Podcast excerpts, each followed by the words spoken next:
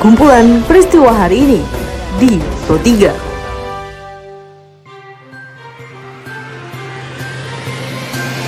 Halo pendengar, saat ini Anda sedang mendengarkan kumpulan peristiwa Pro 3.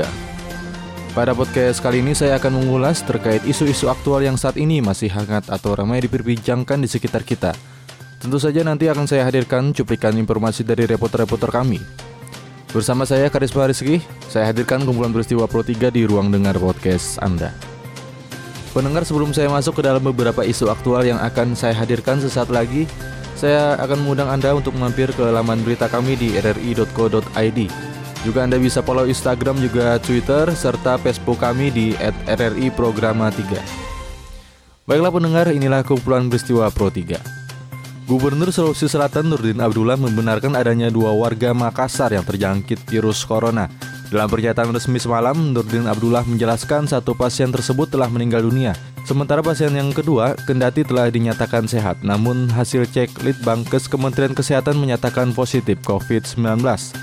Mereka dua dua ini memperlihatkan sebuah fenomena yang berbeda. Satu meninggal sebelum tahu hasilnya mereka kena apa, yang satu lagi sudah sehat baru hasilnya datang.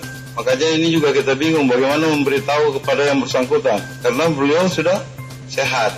Ya takutnya kalau ini tiba-tiba sakit lagi. Ya, makanya itu tadi saya mengambil inisiasi mendesak teman-teman di sosial ya di di kedokteran supaya kita bisa menguji sampel-sampel dari masyarakat sehingga kita bisa memberikan hasil aja. Seperti yang dilaporkan reporter Kristianto yang mengatakan bahwa Gubernur Sulsel Nudin Abdullah berharap lambatnya keterangan hasil tes terhadap dua warga Makassar ini tidak terjadi lagi. Untuk itu Rumah Sakit Wahidin Sudirohu Sodo kini telah memiliki alat mendeteksi corona sehingga hasil tes dapat diketahui dengan cepat. Baiklah beralih ke informasi lainnya pendengar. Imam Besar Masjid Istiqlal Nazaruddin Umar menghimbau umat muslim di Indonesia untuk meniadakan sementara kegiatan beribadah sholat secara berjamaah. Imbauan ini disampaikan usai Majelis Ulama Indonesia atau MUI mengeluarkan fatwa yang sama guna mengurangi potensi penyebaran wabah virus COVID-19. Sebagaimana reporter Joshua Sihombing yang melaporkan bahwa selama dua minggu ke depan Masjid Istiqlal tidak mengadakan sholat Jumat. Oleh karena itu tidak ada cara lain yang harus kita lakukan kecuali mengikuti ulama dan umara kita. Hari ini untuk dua Jumat akan datang, Masjid Istiqlal itu kita tidak menggunakannya untuk sholat Jumat. Kami selaku imam besar Masjid Istiqlal menghimbau kepada seluruh umat Islam, terutama yang berada di dalam wilayah-wilayah yang sangat banyak virusnya berkembang, sudah cukup alasan sesuai dengan dasar majelis ulama tadi untuk tidak melakukan pertemuan dalam keadaan berjamaah, termasuk di dalamnya adalah sholat Jumat, termasuk juga sholat berjamaah subuh, duhur, asar, maghrib, isya. Informasi selanjutnya pendengar. Majelis Permusyawaratan Ulama atau MPU Aceh memastikan sholat fardu dan Jumat masih dapat tetap dilaksanakan di seluruh wilayah Aceh. Menurut Wakil Ketua MPU Aceh, Tengku Faisal Ali menegaskan, hal ini bukan berarti Aceh tidak patuh pada seruan Majelis Ulama, melainkan dengan pertimbangan Aceh masih dalam tahap pencegahan dan belum ada pasien positif corona saya rasa karena kita masih dalam tahapan ini dan masyarakat kita tidak begitu padat, pas juga untuk kita di Aceh tidak menentuk kegiatan salat Jumat dan diarahkan saja setiap pelaksanaan salat lima waktu itu untuk lebih memperbanyak doa kita yang ada di Aceh dan kepada saudara kita yang sudah terkena di daerah yang lain.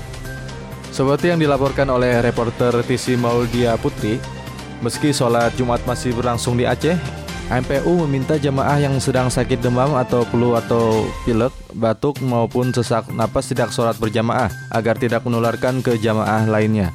MPU juga berharap masyarakat memiliki kesadaran untuk menjaga kebersihan masjid dan musola, seperti misalnya membawa sendiri perlengkapan ibadah di saat ke tempat ibadah. Selain itu mendengar, Presiden Joko Widodo meminta Bank Indonesia terus berupaya untuk menjaga stabilitas nilai tukar rupiah di tengah gejolaknya pasar keuangan yang ditimbulkan pandemi global virus corona.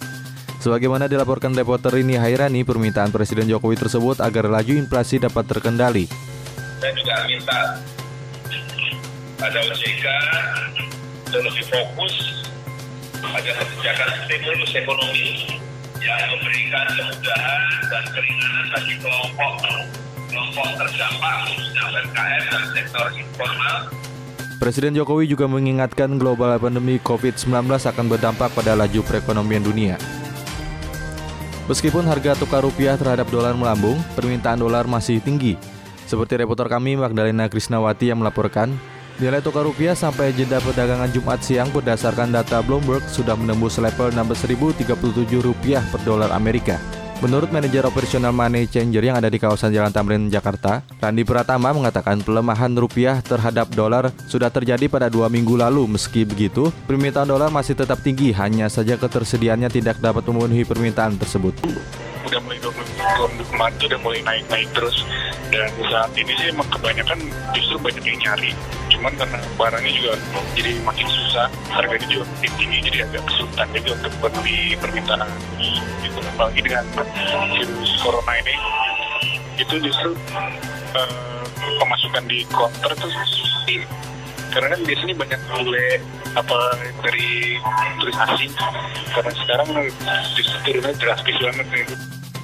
Informasi lainnya pendengar, pemerintah sudah memulai rapid test COVID-19 sejak hari ini. Menurut Presiden Joko Widodo, pemerintah juga sudah mendatangkan jutaan obat klorokin dan avigen ke Indonesia untuk melawan wabah virus corona. Hari ini pemerintah telah mulai melakukan rapid test sebagai upaya untuk memperoleh indikasi awal apakah seseorang positif terinfeksi COVID-19 ataukah tidak. Pemerintah memprioritaskan wilayah yang menurut hasil pemetaan menunjukkan indikasi yang paling rawan terinfeksi COVID-19. Selain itu, pemerintah telah memutuskan untuk melakukan desentralisasi tes yang memberikan kewenangan kepada laboratorium-laboratorium yang telah ditunjuk oleh Kementerian Kesehatan. Sore hari ini, di wilayah yang dulu sudah diketahui ada kontak tracking dari pasien-pasien yang positif, sehingga dari situlah didatangi dari rumah ke rumah untuk dites. Jadi memang ada prioritas dan kita memprioritaskan wilayah yang menurut hasil pemetaan menunjukkan indikasi yang paling rawan. Obat ini sudah dicoba oleh satu dua tiga negara dan memberikan kesembuhan, yaitu Avigan. Kita telah mendatangkan 5.000 akan kita coba dan dalam proses pemesanan 2 juta. Kemudian yang kedua, klorofin. Ini kita telah siap 3 juta. Sebagaimana dilaporkan reporter Pradipta Arhadi, juru bicara penanganan COVID-19 Dr. Ahmad Yuryanto mengatakan bahwa semua pihak dan peneliti kesehatan di dunia memang masih dalam tahap mencari antivirus untuk corona. Baiklah pendengar informasi tadi sekaligus mengakhiri perjumpaan kita pada podcast edisi hari ini. Anda masih bisa mendengarkan podcast edisi hari ini di Spotify dengan hanya mengetik RRI Pro 3 di kolom pencarian. Saya Karisma Rizky undur diri, sampai jumpa.